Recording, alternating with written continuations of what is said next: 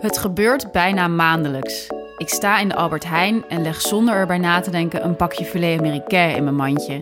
Ik reken het af, loop naar huis en eenmaal thuis begrijp ik helemaal niet hoe dit product tussen mijn boodschappen terecht is gekomen.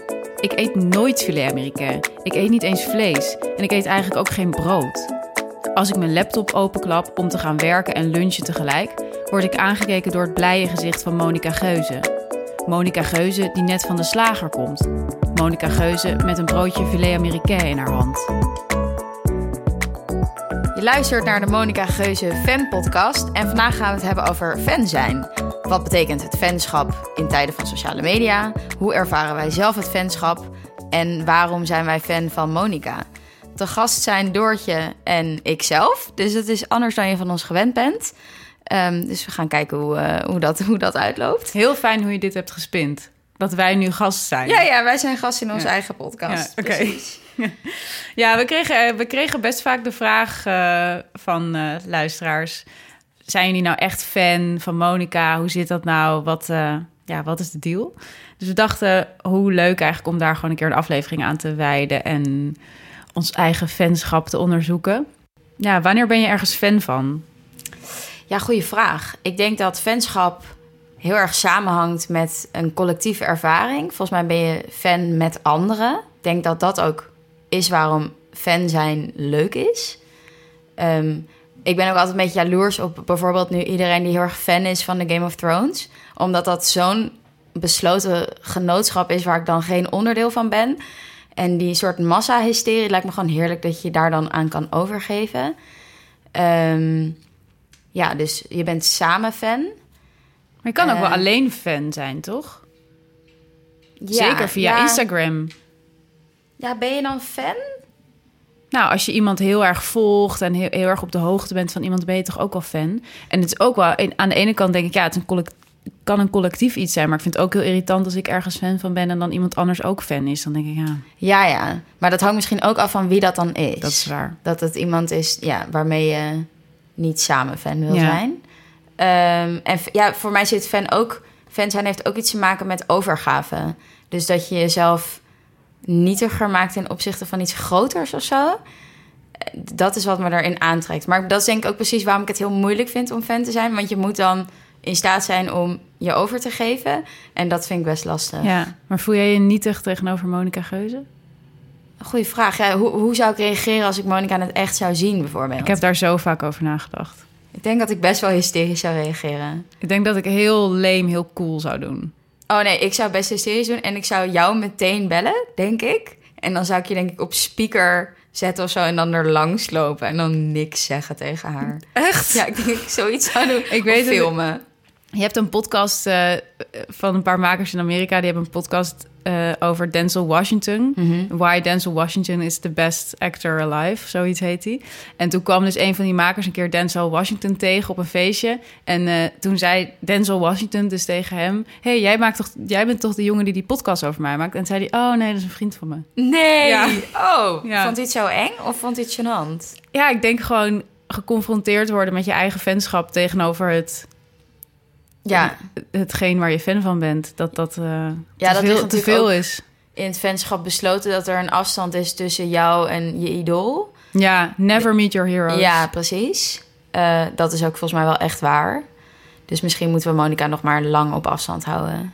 Oeh.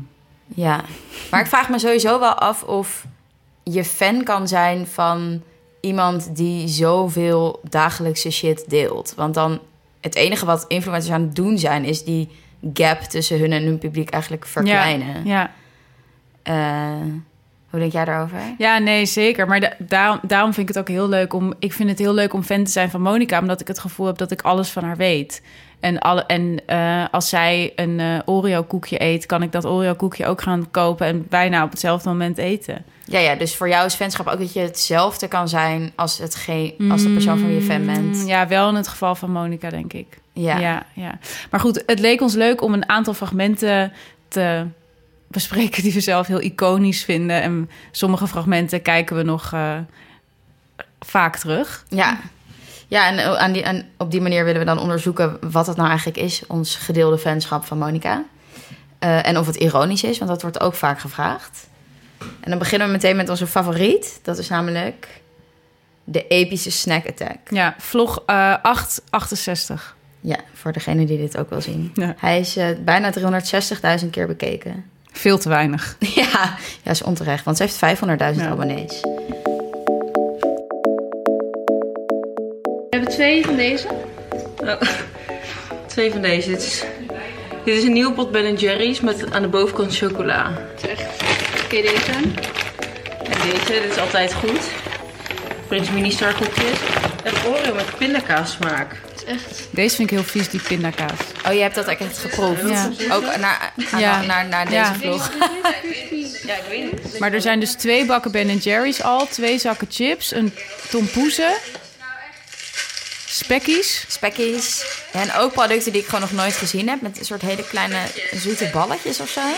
Er zijn ook vier mini Ben Jerry's. Dat snap ik trouwens sowieso niet. Van die Ben Jerry's koekjes. Dus dan moet je ijs happen. Ja. Mars ijs, Bounty ijs. Heb ik allebei nog nooit gegeten. Oh, zo lekker. Oh. Het enige wat ik daarvan weet is dat ze minder calorieën hebben dan het originele product. Bedankt. Ja, maar dan Ja, en, kaasblokjes. de, en dan de kaas. Nee, maar dit en- vind ik zo'n mooie toevoeging. Kaasblokjes en piri-piri garnalen en chocola. Dat vind ik dan zo'n is rare heel raar. toevoeging. Wat is er zo fijn aan om dit te kijken? Ja, dat is een goede vraag. Ehm, ik, ging, ik dacht, ik kijk wat kritischer naar mezelf. Want het, de makkelijkste analyse om te maken is natuurlijk te denken... oké, jij bent hoog opgeleid en je kijkt, naar, je, je, je kijkt naar een venster op een ander soort klasse... die eh, het, het leuk vinden om hele grote bergen snoep te kopen. Dat is iets wat ik zelf niet doe, want ik vind gezondheid heel belangrijk. En hè, ik lees veel over Ja. eh, Guilty E-nummers pleasure. en zo, la la la. Ja, het is een guilty pleasure. Eh, en ik, ik bevestig vooral mijn eigen superioriteit of zo. Maar volgens mij is dat het niet. Want ik voel me ook oprecht onderdeel van een best wel familieachtige situatie. Ja. Het is best intiem. Het is heel intiem. En ik eh, bewaak ook niet die afstand. Dus ik vind het ook best leuk om het gevoel te hebben dat ik intiem met hun ben. Dus ik vind ver- het fantastisch om naar te kijken. En ik kan, ik kan gewoon niet echt uitleggen waarom. Ik vind ook...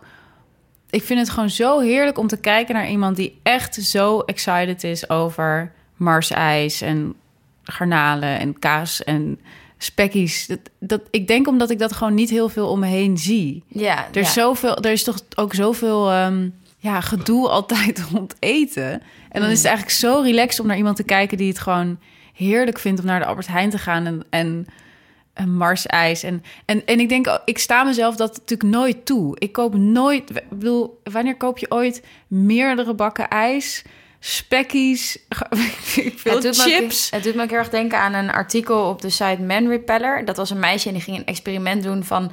hoe zou ik leven als ik nu Ja. 18 was... en zou denken van, oh, als ik dan 28 ben... dan kan ik alles doen wat ik wil. Ja. En dat je gewoon ontbijt met eh Dat ze alles mocht, toch? Dat ja. artikel, ja. Ja, zo van als je 18 bent, dan denk je, oh, dan ben ik 30 en dan kan ik lekker doen wat ik wil en dan eet ik wat ik wil. En in Dacht de jij praktijk, dat? Ik dacht wel, als ik 30 ben, ben ik fucking oud. nou oké, als, je, als je 23 bent en op jezelf woont. Ja. Maar in de praktijk, hoe ouder ik word, hoe strenger ik word. Ja. Ik leg mezelf meer regels op dan mijn moeder me vroeger deed, Oh, denk ik. Ja, het is zo waar. En je ziet gewoon, Monica leeft wel alsof je helemaal vrij bent Ja. en kan doen wat je wil. Ja, zij leeft echt het, tenminste in deze vlog, hè, want er moet ook wel bijgezegd worden, deze vlog heeft nog geen kind en zo.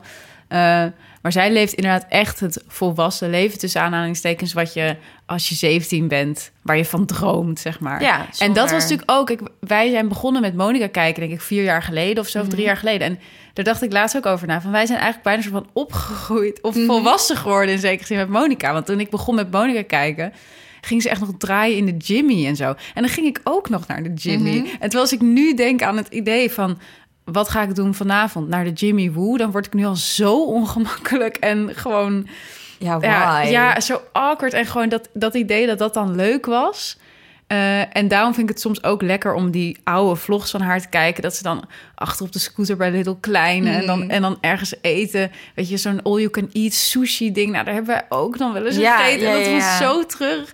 En de- dat ik nu denk van, oh ja, dat ben ik nu ook. Zij is dat ontgroeid, maar ik ben dat ook ontgroeid. Dus dat, ja, herkenbaarheid. Ja. Dat is eigenlijk wat ik beschrijf. Ja. Ja, maar het is natuurlijk ook uniek in eh, het mediatijdperk dat je zo'n lange tijd zo consequent mee kan kijken in iemands leven. Ja. Dat, ik bedoel, je had reality-programma's, maar dan keek je ook niet heel zo- gestaged, ja. ja. en het duurde ook niet vier jaar zo, Ja. op zo'n reguliere basis. Ehm, dus ja, dat heeft een, ja je, je krijgt een heel vreemd soort intimiteit met Ja. iemand. Ik denk dat, dat dat voor mij het meest beschrijft. Ja. Volgende fragment. Ja, we gaan naar het volgende fragment. We zitten dus bij de Lobster. En het was zo fucking lekker. Niet normaal. We zien nu Monica die een vinger in de aardappelpuree stopt. En het met haar pornografische lippen aflikt. Het is toch wel echt best seksueel dit. Maar ze hebben wel slabben om. Ja, ze hebben Dat is een slabben om. contrast. Oh ja, dit weet ik precies. Dan krijgen ze zo'n warm handdoekje en dan zegt Bibi... ja, je moet op het gezicht leggen. En dan zegt Monica... nee, ik heb te veel make-up op. Ik zag ook laatst een fragment terug dat ze zei... mijn wimpers zijn zo lang dat ik ze moet kammen elke ochtend.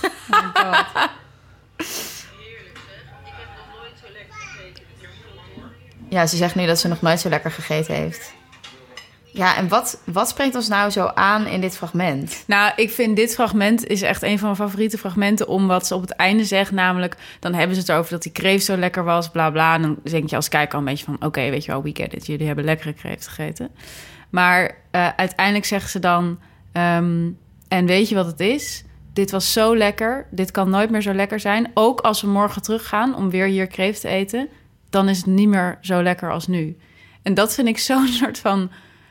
Eh, ja, daar zit zoveel in voor mij. Het, gaat heel erg over de ervaring. En natuurlijk wat, wat, wat Monica natuurlijk doet... is het constant vastleggen van haar eigen ervaringen. En zij is natuurlijk heel, een heel duidelijk voorbeeld van hoe eigenlijk hè, hoe die shift gaande is. Van vroeger ging je dan op vakantie en als je dan thuis kwam, dan zette je foto's van, van de vakantie op Facebook. Weet je wel, van die gênante mappen die je als je eens een keer die ene nieuwe ja. persoon die ik heb leren kennen, eens een keer door Facebook haalt en dan het mapje waar je op hoopt te stuiten. zo van Frankrijk 2009. Weet je dat? nou ja, dat was heel erg wat social media eerst was. Maar nu is social media veel meer iets waarom we dingen doen. We gaan dingen doen om op social media te zetten.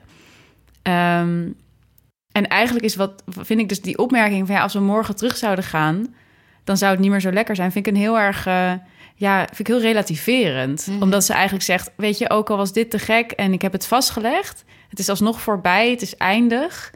En ehm, ja, ze dealt heel erg op een hele nuchtere manier met eh, de eindigheid van. eh, Ja, dat is denk ik ook wat ik eruit haal. Het is een soort van eh, anti-maakbaarheidsgedachte. Ja. Want het idee is natuurlijk dat je dan elke dag precies dezelfde topervaring kan krijgen. En zij legt zich er meteen bij neer dat dit gewoon een heel bijzonder moment was. Dat de kreeft op precies de goede temperatuur was. I don't know. En dat je daarbij laat. ja, Terwijl ik ben zo iemand die ja, perfectionisme af wil dwingen of zo. dus Oh, ik ja. ga zeker de volgende dag weer of aan het eind van de week weer. En dan valt het ook tegen. Ja.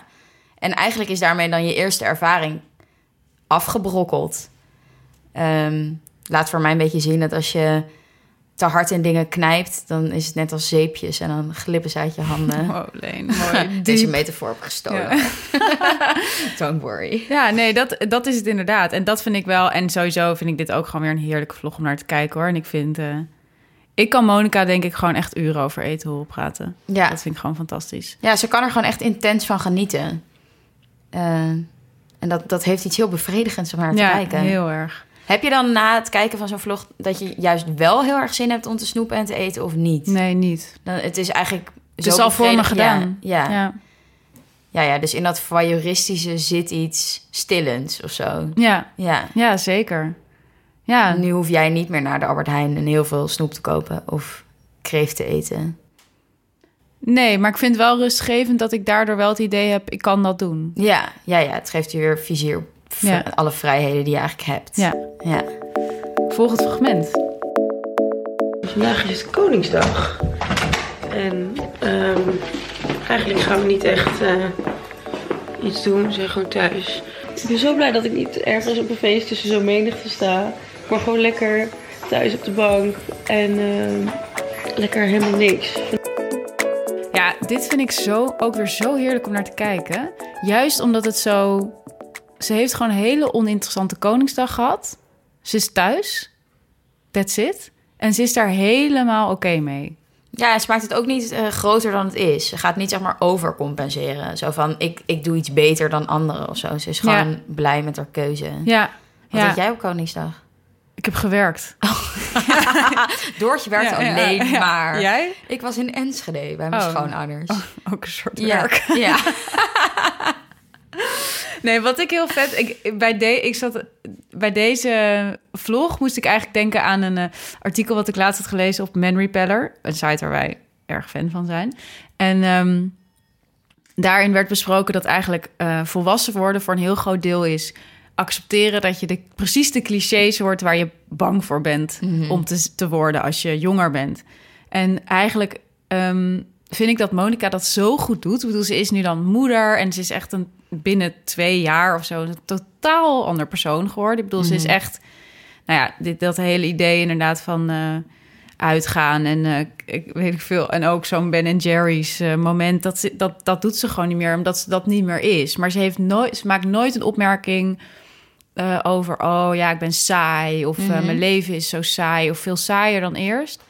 En dat is wel echt iets, ik merk dat gewoon bij mezelf ook. Bijvoorbeeld vanochtend ehm, ben ik, voordat we dit gingen doen, heb ik eh, eh, de was gedaan. Ik heb ge- hard gelopen op een loopband. Ik ben eh, mijn nagels laten doen bij een nagelsalon op de hoek. En ik heb boodschappen gedaan voor het eten van vanavond. Even voor de luisteraars, heeft niet gewerkt. Ik heb niet gewerkt. Dit heb ik gedaan. Nou, oké, een beetje gewerkt. En ehm, ja, het- ik, ik kan dan ook heel erg denken eh, in mezelf... oh, wat ben, wat ben ik, weet je ik ben een soort van huisvrouw. Ik ben saai. Ik, ik, oh, dan heb ik een keer een paar uur voor mezelf... en dit is wat ik doe. Dit is wat ik ermee doe. Maar Wat, hoe- zou je, wat vind je eigenlijk dat je ermee had moeten doen? nou ja, zo van Je- mijn 21-jarige zelf zou... Ik bedoel, dit speelde zich allemaal al voor elfen. Ja, En oh ja. toen werd ik, stond ik ongeveer op. Ja. Zeg maar, dan, dat, dat is gewoon zo'n ander... eh, ja, je wordt eigenlijk zoveel sneller oud Mhm. dan je denkt van tevoren. Ehm, als ik nu mijn 21-jarige zelf had verteld dat dit een hele chille ochtend voor mijn 27-jarige zelf was, zou, zou ik echt denken: what the fuck? Ik weet nog, mijn 21ste vond ik echt een brief versturen. Was al zo'n Ja. onderneming. Ja, of een pakketje ophalen Ja, of zo. Dat is van, oh, echt ik zo. moet vandaag een pakketje ophalen. Net als wat jij zei over de stomerij. Ja, ja, want mijn ochtend bestond uit eh, mijn kleding die ik had laten maken. Wat ik ook echt al een hele volwassen daad vind. Zo van, vroeger dacht ik van, oké, kapot, weg. Kan ik iets Ja, nieuws kopen? Nieuw. Leuk. Zara. Ja. Ja. precies. Nu dacht ik, nee, ik laat het maken. En ik laat de rok die net te groot is even innemen. Ik ga hier zorgvuldig mee om.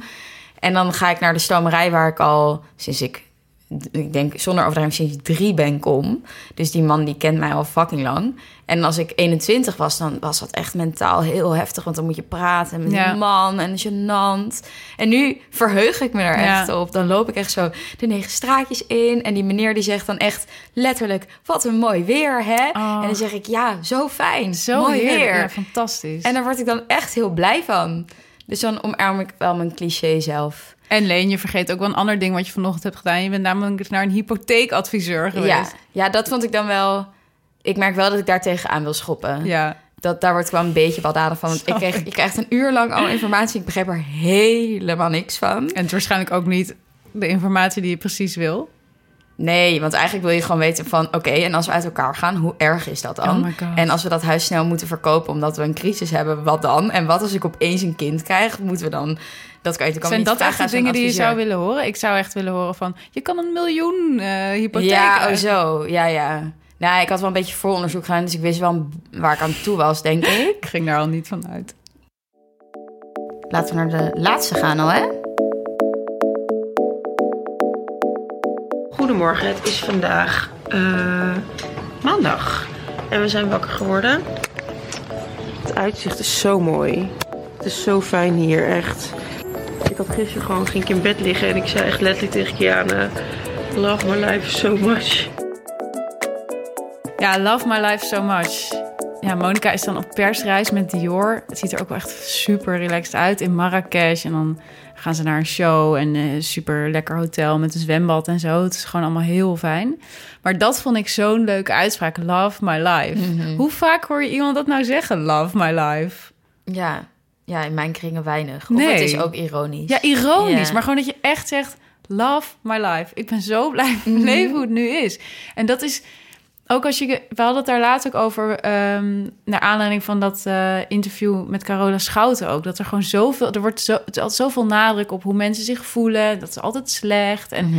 Ehm, bijna iedereen, weet je wel, in de media heeft wel iets van eh, iets naars te vertellen. En dan vind ik dit zo'n zo'n lekkere tegenhanger om naar, om naar te kijken. Ja, en het is ook niet zo'n positieve affirmatie. Het is Nee. niet zo voor ingenomen van ik moet positiever denken. Ik moet benoemen waar ik dankbaar voor ben als medicijn tegen mijn eigen ontevredenheid. Ja, het is gewoon helemaal oprecht. Ja, dat interview met Carola Schouten voor de luisteraar die dat niet gelezen heeft. Dat was met de Volkskrant. Ja, Volkswagen Magazine. Sowieso begeleid met echt waanzinnige foto's. Ja. Ze zag er echt awesome uit. En los van eh, de kritiek die, die ik er misschien op heb, vond ik het een heel vet interview. En ik vond ik haar ook heel cool. Heel fascinerend. Maar wat, wat ik er wel door dacht was... er is bijna geen interview meer... waarbij het niet gaat over iemands mentale struggle... Ja. en neuroses en eh, depressie of whatever. En toen dacht ik, ja... Ja, het moet ook allemaal zo zwaar of zo. Weet je, als iemand dan met een nieuw boek komt of met een nieuwe film, dan is het altijd zo, ja, zo zwaar. Ik heb hier echt heel erg heel lang eh, veel moeite gehad Ja, met ja, dit ja. onderwerp. Er zal toch nooit eens iemand zijn die zegt, nou, het was prima te doen. eh, we, we hebben er, we hadden er een jaar voor staan, we hebben er een jaar aan gewerkt. Ja, zo'n er Peter Boevalda Precies. die dan... Ja, het moet altijd zo'n moeilijke struggle zijn. Ja. Terwijl ik, ik kan gewoon niet geloven dat dat voor iedereen zo is. Ik denk ook dat dat gewoon de Nederlandse consument is... die gewoon alleen iets wil kopen waar bloed, zweet en tranen in Ja, zit. En waarvoor heel is veel geleden. Is. Ja. ja, ja. Dat is natuurlijk ook het beeld wat je hebt bij een schrijver. Dus we vinden dan dat een schrijver zich Ja, of moet überhaupt bij conformeren. een maker. denk Ja, ik. dat ja. het wel een lijdensweg is. Ja, Ehm, maar ik ging me afvragen van waarom erger ik me nou aan dat eh, zo'n hoge politica dan ook dit vertelt in een interview. En vind je het toen- niet relevant of zo? ik vind het wel relevant, maar ehm, het is zo eenheidsworst. Je leest het verhaal overal van iedereen. En toen, eh, toen hoorde ik laatst... Behalve van Mark Rutte.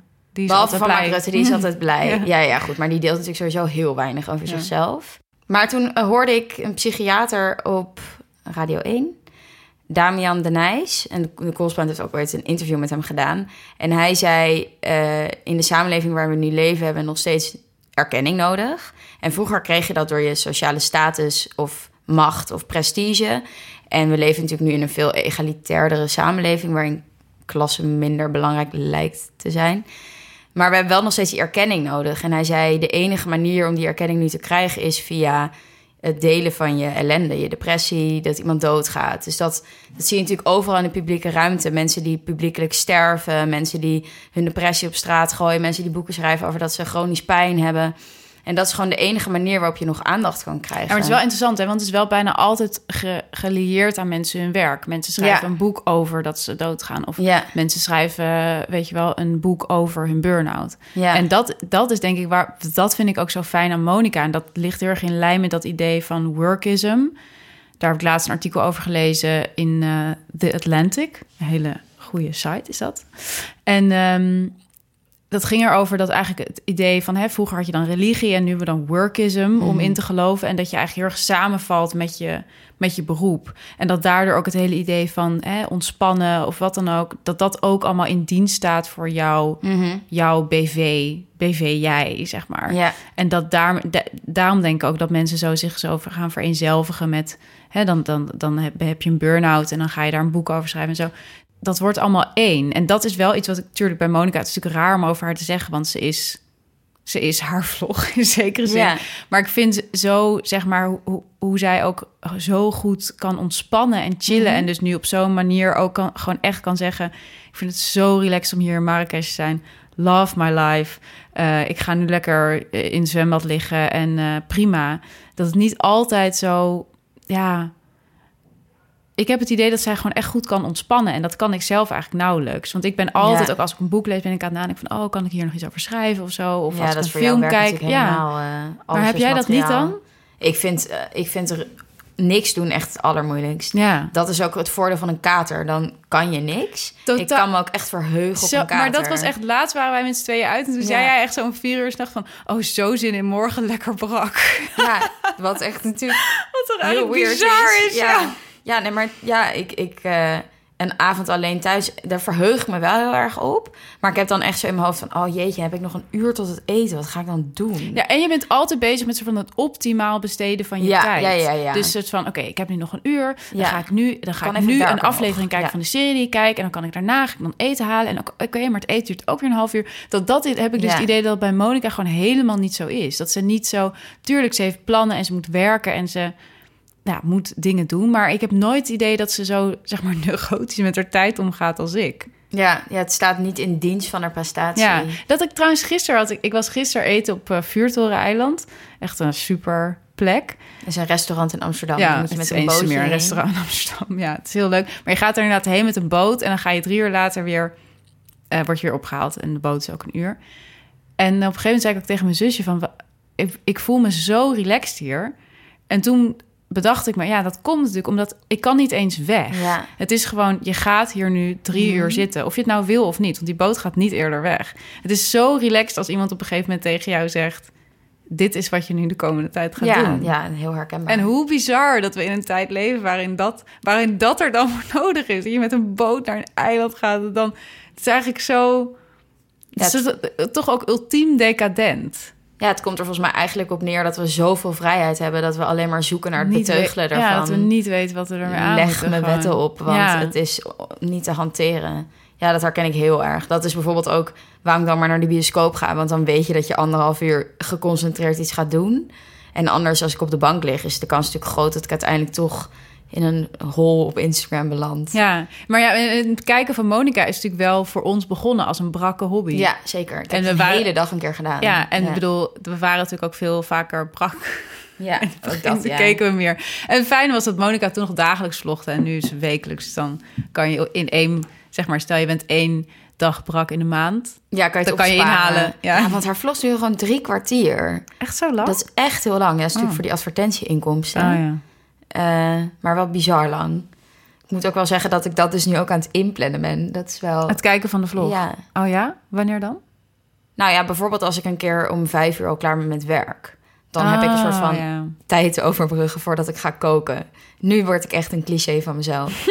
Soms denk ik ook, misschien moet ik maar gewoon kinderen nemen. Want dan leg je het lot van je tijd in de handen van een ander wezen... wat sowieso belangrijker is dan jijzelf. Oh my god, Leen. Ik Ja. kan er niet op ingaan. je bent dan naar een hypotheekadviseur. Ja. Dus je kan niet ook nog over kinderen gaan praten. Sorry, nee, dit is ook niet een onderwerp voor de podcast. Dus laten we het nog iets meer hebben over fanschap. Want eh, waar we het eerder ook over hadden, was eh, ja, ironisch fan zijn. En Mhm. natuurlijk ook, jij vertelde dat je laatst naar een concert was van Dido. Ja. Wat ik sowieso echt. Ja, ik wist dus helemaal niet dat mensen dat raar vonden. Want ik ben echt opgegroeid in de veronderstelling dat echt Dido gewoon een hele goede, ja, goede artiest was. Een en goede toen, artiest. toen bleek ik ook nog verliefd te worden op een jongen die dat ook echt dacht. Oh, maar jullie hebben elkaar gevonden. Ja, dat is waar. Dus ik luisterde echt zonder enige ironie naar maar wat Dido. zijn recente hits van Dido? Nou ja, goed, ze, heeft dus was, ze had vijf jaar geen album gemaakt. En nu dus een nieuw album, wat ook best wel goed is. Maar oké, Live for Rent. Oké, we doen even, we doen even een fragmentje van, Van Dido. Dido. White Flag. I know you think that I shouldn't still love you. I'll tell you that. Ja, ze kan gewoon echt heel mooi zingen. Ja, ze kan mooi zingen. Maar toen- Punt. Punt. Ja, maar dan kom je dus als eh, 60 euro voor dat kaartje betaald naar Paradiso. Ging eerst 60 euro per persoon. Ja, echt, dat is veel voor een concertkaartje. En dan kom je aan en dan zie je al de ANWB-jasjes, Ja, zeg maar. in die rij. Ja. En ik merkte al, zeg maar, Bas ging meteen, dat is mijn vriend, die ging meteen grappen en grollen maken. En ik deed eerst nog alsof ik daar niet in mee wilde gaan. Ik wil eerst gewoon, wilde ik nog niet zien dat de groep waar ik me bij aansloot zo anders was dan hoe ik mezelf zag. Dat ik ook zijn grappen negeerde. Ja. En toen daarna draaide de rollen om. Toen vond Bas het minder ongemakkelijk. En die dacht, nou, gewoon, we gaan het gewoon leuk hebben. Hij ging gewoon heel veel bier drinken. Dat, ik sloeg helemaal dicht, omdat ik het zo heftig vond... dat ik tussen allemaal ja, veertigers uit de regio stond. En niks ten nadele van veertigers uit de regio. Shout-out naar 40 uit de regio. Precies, maar mijn fanschap stond opeens in een totaal Ja. ander licht. Ja. En dus toen Werd je uiteindelijk... toen on the spot ironisch fan? Ja, ja, ja. Ik distancieerde me een beetje van mijn fanschap. Zo van, eh, ja, nou ja. mm. En toen was het begonnen en toen... eh, ja, toen was eigenlijk Dido heel ontwapenend. En we stonden helemaal achterin. Maar wel met mensen omgeven waarvan ik echt dacht... Oh. Holy shit. Stond je helemaal achterin? Ja, dat was Ben jij niet iemand die zichzelf altijd naar voren beukt? Ik beuk mezelf altijd naar voren. Nou, het was echt heel druk en we waren natuurlijk veel te laat. het zo bizar dat echt heel druk was bij een concert van Dido. Maar goed, misschien leef ik onder een steen. groot. Ja, precies, maar ze was heel groot. Toen ze die ene hit had met Eminem. Nee, En ze had bedoel, echt- waar is een White Eminem? Flag was echt een mega hit. Ja, maar het is ook maar één nummer. Oh ja, nou ik ken haar echt, ik ken haar hele al haar albums. ja, dat Noem nog dus- twee goede nummers van Dido. Sand in My Shoes, My India, Life for Rent. Hmm. Oké.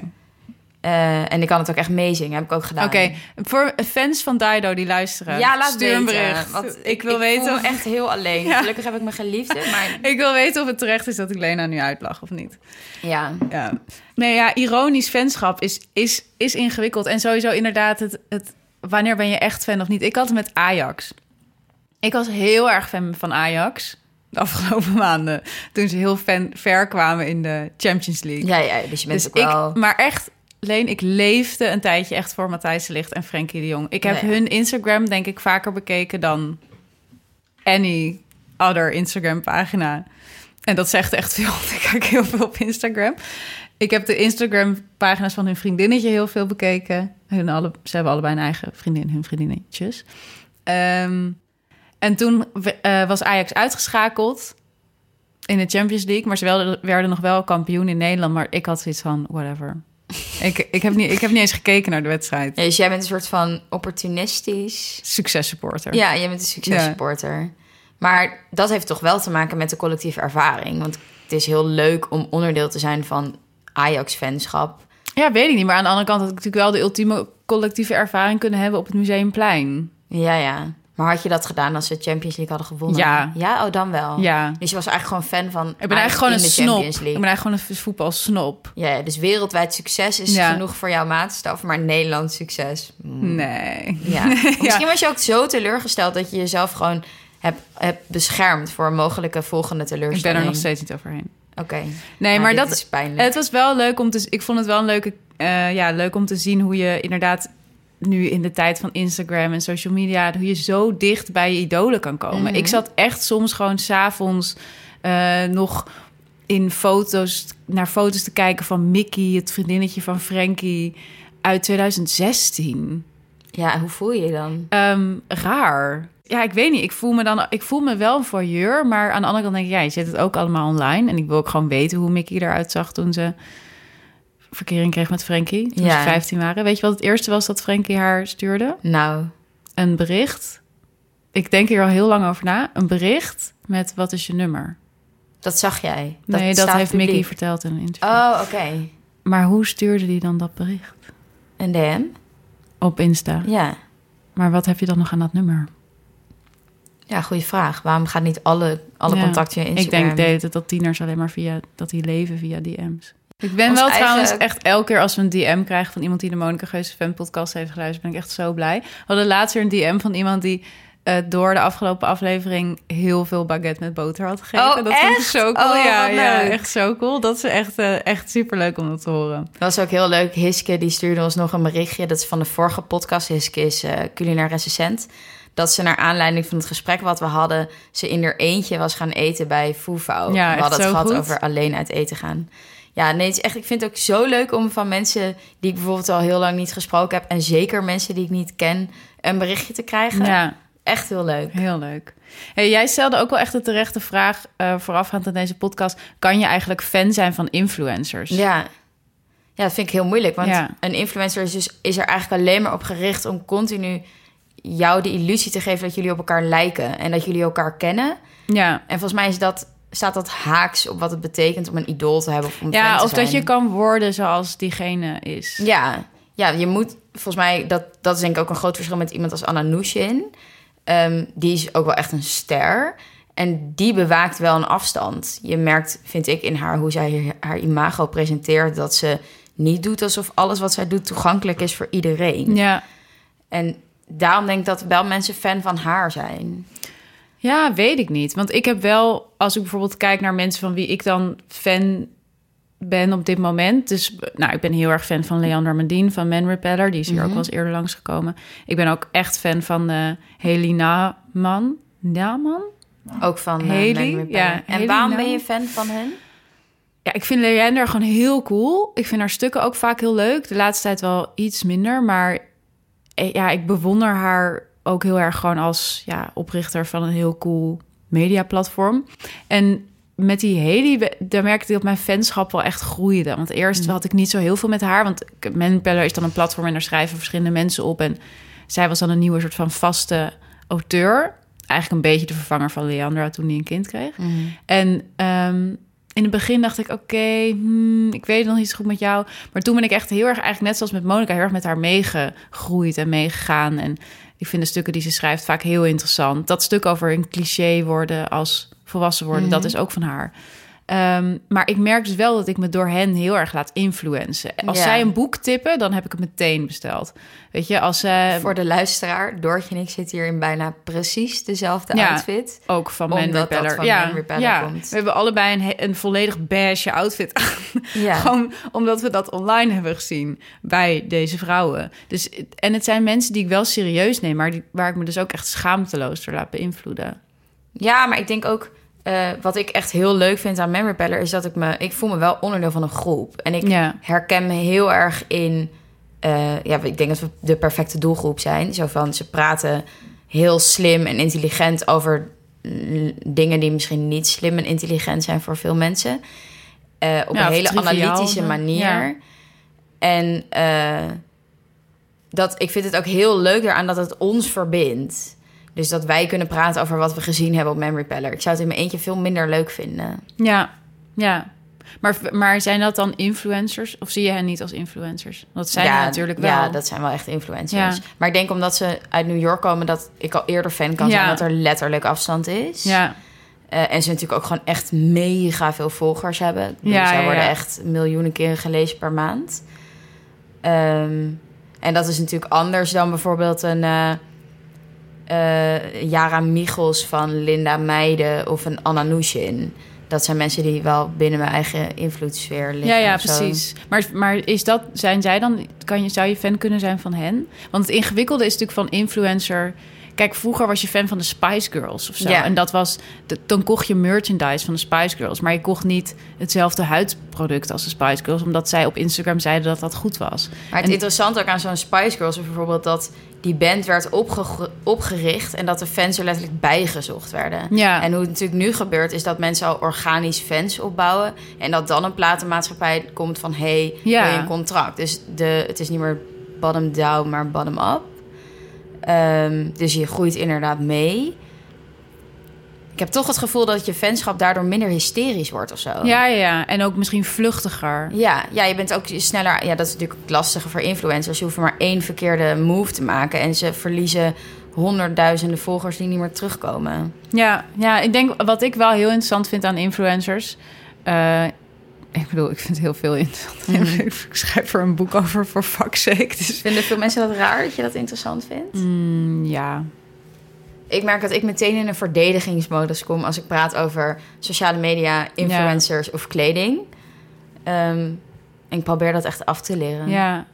Nee, mensen vinden het wel raar. En mensen hebben denk ik ook heel erg het idee dat ik een soort afzeikboek aan het schrijven ben. of zo. ja, Ehm, maar ja, laat dat idee maar een beetje bestaan. Ehm, maar het is niet zo. nee, natuurlijk Nee. niet. Kom op. Daar ben je in één alinea ben je ook al klaar mee dan. Ja, dat is waar. Nee, maar ehm, wat ik een onderdeel wat ik er zo interessant aan is, is dat influencers eigenlijk laten zien wat, wat blijft er over als mensen zich soort van tot, tot in de details gaan cureren. Mhm. Dus als jij weet hoe belangrijk jouw imago is online, wat ga je dan doen? En het grappige vind ik dat dat dus wel nog heel erg verschilt. De Mhm. mensen onderling. De een probeert dit, de ander probeert dat. En ik probeer altijd heel erg uit te maken of ik Monica nou onderdeel vind van Ja, ik denk dat, ik denk dat Monica het grote voordeel heeft dat ze een van de eerste was. Ja. Dus daardoor heeft ze gewoon heel veel eh, meters gemaakt en veel fans opgebouwd. Want ik vind de, de content die Monica maakt echt heel anders dan van die niche-vloggers met 10.000 volgers.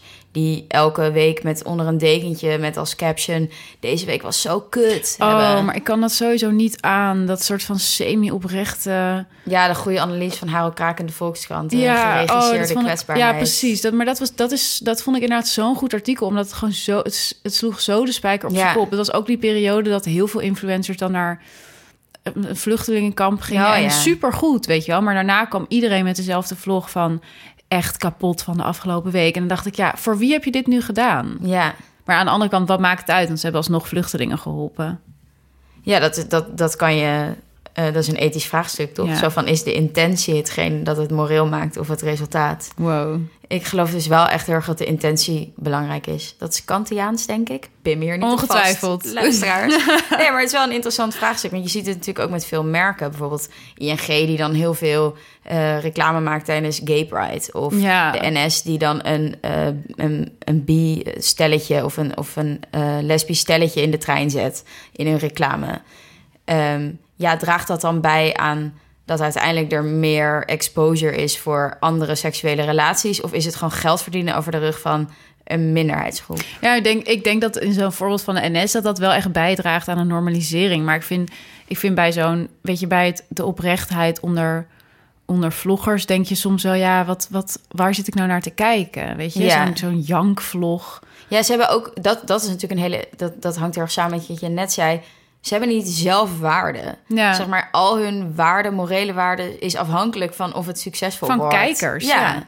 En of het algoritme dat leuk Ja. vindt. Dus ja, al die clichés zijn gewoon super interessant. Dat de mode totaal anders werd, omdat al die influencers foto's moeten maken met veel contrast.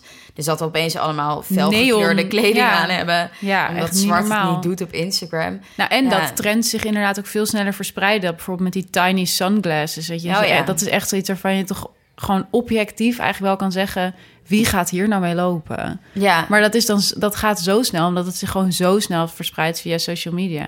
en je kan het zo snel kopen. Het is gewoon swipe up en hop, true. klaar. Ja. Nee, maar dat vind ik ook leuk aan Monica. Dat ze zo... Zij gaat niet mee, voor mijn gevoel, Mhm. in die hype van... het moet elke keer shocking. Ja. Ze zegt ook heel vaak tijdens haar vlog... dit is een hele saaie vlog. Mhm. En oké, vaak is het ook best saai. Maar dat, ik vind dat heel, heel ja, ze is tof eigenlijk, het bewijs dat als je wel oprecht bent op sociale media, je ook succesvol kan zijn. En dat je niet alles uit hoeft te vergroten. Je hoeft niet je depressie dik aan te zetten. Je hoeft niet mascara onder je ogen te wrijven omdat het dramatischer eruit te zien. Je hoeft niet eh, drones te kopen en naar eh, Australië gaan en hele ingewikkelde vlogs te maken om ja, toch een goede fanbase op te bouwen. Want volgens Ja. mij haar community is ook super positief. Iedereen vindt haar... Nou, Oh, ik vind iedereen altijd heel positief. volgens mij krijgt ze ook best wel veel shit over erheen. Zeker in het begin wel. Ja, maar nu, eh, toen vooral nu ze een baby heeft, vindt Ja. iedereen er fantastisch. Ja, Omdat ze natuurlijk eh, ja, een hele goede moeder is. ja. Ehm, Nou, en wat ik ook relaxed vind aan haar... is dat ze niet zo... om nog even terug te komen op dat workism... dat ze niet zo de hele tijd benadrukt dat ze gewoon ook veel werkt. Want dat Mhm. doet ze ongetwijfeld wel, en dat zie je ook.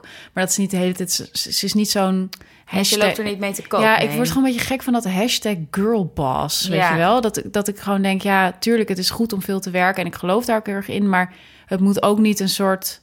Ik vind het toch irritant als het een personal brand wordt. Ja, en ik merk ook zeker in mijn omgeving... zijn dan mensen die bijvoorbeeld niet veel geld verdienen... of niet veel status hebben. Dus al hun status ontlenen aan het feit dat ze dan heel hard werken... Ja. voor waarschijnlijk ook iets maatschappelijks. Ik word waar zou je het nu over Ja, hebben? geen idee. ik, ik, ik zal maar niet vertellen waar ik werk. Waarschijnlijk gebruik ik dit zelf ook. Eh, maar dat is natuurlijk een beetje inherent aan de creatieve industrie. Je verdient er niks, dus daar haal je het niet aan over. Dus dan moet het maar een soort van leidensweg zijn... waarin je, waarin je iets belangrijks betekent. Ehm, maar ik zie continu mensen die geen Ja. afstand kunnen nemen van hun werk. We hebben eigenlijk gewoon eh 50 minuten om de vraag heen gedraaid. Zijn we nou echt fan of niet? Ja, ik ben wel echt Ja. fan. Ja. Ik vind het lastig, want ik vind, ik, ik vind aan de ene kant vind ik ironisch fanschap ook fijn. Ik vind het ook heel belangrijk. Omdat je je dan toch kan verschuilen achter je ironie of zo. Ja, maar ik denk dat ironie dan op die manier ook verbindend werkt. Zo van, we hebben onderling dan een ironisch Ja. fanschap. En- Maar ik vraag me ook af, zeg maar, wat is het verschil? Want ik, ik ben bijvoorbeeld ook altijd best wel fan van Heel Holland Bakt. Maar ik zie ook dat dat een heel, eigenlijk best wel een kneuzig programma is. En, maar aan de andere kant, als ik zeg maar nu Robert zou zien lopen, zou ik wel zeggen... Op een ironische manier? Of zou je echt, zeg maar, gaan shaken? Dat is dan hoe Nee, ik me ik zou niet- voorstel. Nee, maar ik ben sowieso niet iemand... Ik, ik, ben, ik ben zo iemand... Ik kan ook één sigaret roken. Ik, ben, ik ben gewoon super saai gematigd persoon. Dus ik, ik ga gewoon nooit echt shaken. Ja, ik hoop dus dat ik dat ooit ga bereiken. Dat ik echt zo onder de indruk van iemand ben. Ja. Ik wil dat heel maar eigenlijk graag. is dat toch ook gewoon inderdaad het mooiste wat er is. Ja, dat is fantastisch. Dan heb je iets om... Het is toch ook een soort hoop of droom of whatever voor een cliché. Ik denk dat Als je gewoon... Joan Didion ziet, zou je dan niet echt swept off your feet? Jawel. Dan Dus, zou ik ja. echt zeggen, Ja, je- bedankt. ja. Nou, ja. Sowieso, wat doe je hier? Bedankt. ja. Ja, dus dat is vriendschap Ja. zonder enige Maar ik denk gewoon dat het ook... Want kijk, ik ben fan van Joan Didion. ehm, omdat ik haar verhalen te gek vind. Maar ook omdat ik ze tachtig keer lees. En kijk, hoe kan ik Ja. dit, deze technieken in mijn eigen verhalen implementeren? Dus dan is het, heeft het weer te maken met jezelf. En dat is natuurlijk heel erg een tijd waarin we nu leven. Dat alles draait om het individu. En een soort van Mhm. het perfectioneren van het individu. Of het nou online is, of met je werk. Of in je... Ja. Weet je wel, waar we het over hadden met tijdsindeling. En ik denk gewoon dat fanschap daar een beetje door wordt ondergesneeuwd. En dat daarom influencers ook zo werken. Omdat het, omdat het wat het uiteindelijk doet, is het, het geeft je ook een manier om jouw individu weer wat beter te maken aan de hand van die Mhm. Ja, ja, influencer. dus de volger-influencer relatie is veel meer gericht op het ontwikkelen van jouw individu. Ja. Terwijl fanschap gaat over... Terwijl een poster, een dat. poster eh, op de muur van je kamer hangen van Destiny's Child. Ja, Dat is gewoon adoratie. ja. Er zit Een niks. idool. Ja, dus Ja. we zijn heel. ehm, ja, we zijn fan geworden met een doel. We zijn fan geworden met het doel om onszelf ook weer. ja. Ik ben fan van Leander Medin. En ik koop ook weer de boeken die ze aanraadt. En letterlijk precies de kleren die zij draagt. Maar dat heb ik niet met Monica. Nee, ik denk dat het doel van mijn Monica-fanschap ook is dat ik het deel met jou. Ja. Het, dit is een verbond tussen ons. En, Nou ja, en heel veel andere mensen, en maar die kennen duizenden luisteraars. En de duizenden luisteraars waarvan we niet Ja. weten of zij ook fan zijn. Ja. Dus als je dat bent, laat het ons ook even Ja, dat weten. willen we inderdaad heel graag weten. We willen heel graag weten, zijn jullie fan? Ja, Of van wie zijn jullie fan? Ja, oh my god, laten we een poll doen. Dus ik heb altijd al een keer een poll willen doen Ja, dat is echt leuk. Nee. Dit is wel een goed bruggetje naar de Monica Geuze Fan Award. Ja, het ondenkbare is gebeurd. Ik heb een nominatie voor de Monica Geuze Fan Podcast gevonden. Ehm, ze heet Julie, Julie Houts. Maar ze opereert op Instagram onder de naam Jolie Lauren. We zetten het al even in de show notes. Ja. Je gaat me echt haat als ik dat zeg, maar ik heb net gisteren uitgevonden waar de show notes staan. En het is echt heel Bij een handig. podcast, je swipet gewoon naar beneden als je Mhm. podcast luistert. Ik wist echt En je kan ook vaak gewoon doorklikken naar de linkjes. Ja, het is heel dus handig. Ik kan de show notes aan iedereen aanraden. Ik heb ze ook net ontdekt. Schaam je niet als je niet weet waar show notes staan. Ik wist het ook niet. Eh, maar ze maakt hele leuke illustraties, tekeningen ehm, voor ja, eh, allemaal bekende modemerken, Gucci en Dior en zo, en ook voor Vogue.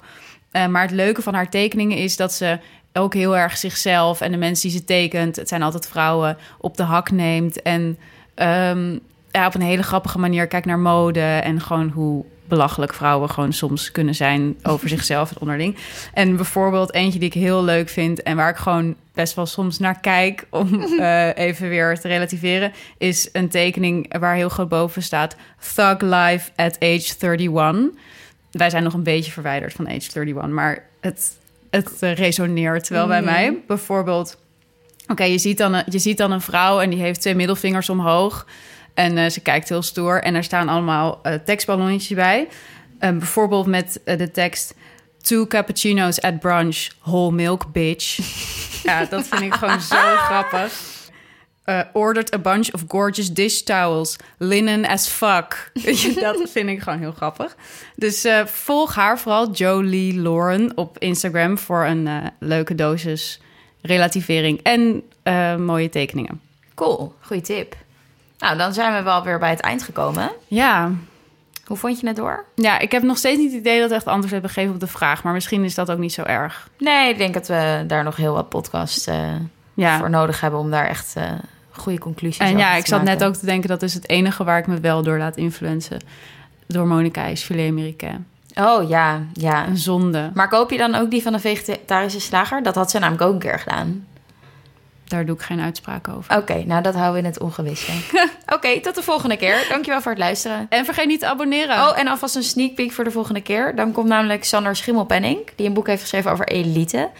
En hoofdredacteur is van de Quote. Dus dan hebben we ook een man in de podcast. ja, en dan gaan we het hebben over geld. Gaan we het hebben over geld. Like, subscribe, abonneer, mail Ik wil meer mails. Ja, we willen echt heel graag dat jullie meedenken over de Monica Award. Ja. We hadden al een, eh, een review waarbij iemand zei dat we een show moeten organiseren. Lijkt ons natuurlijk ontzettend leuk, grote dromen. Ja. Maar dan moeten we wel een beetje... Ja, het, het, geef even aan of je daarbij zou willen zijn. Weet je, dan weten we ook hoeveel snacks we moeten kopen, hoeveel Ben Jerry's, loop je Mars echt ijs. op, echt op de zaken vooruit. Laat ons vooral weten of je leuke Instagram-kanalen weet. Want dan eh, gaan we die delen. Ja, abonneer en eh, Like, subscribe, ja, al die dingen. Al die dingen. Doei!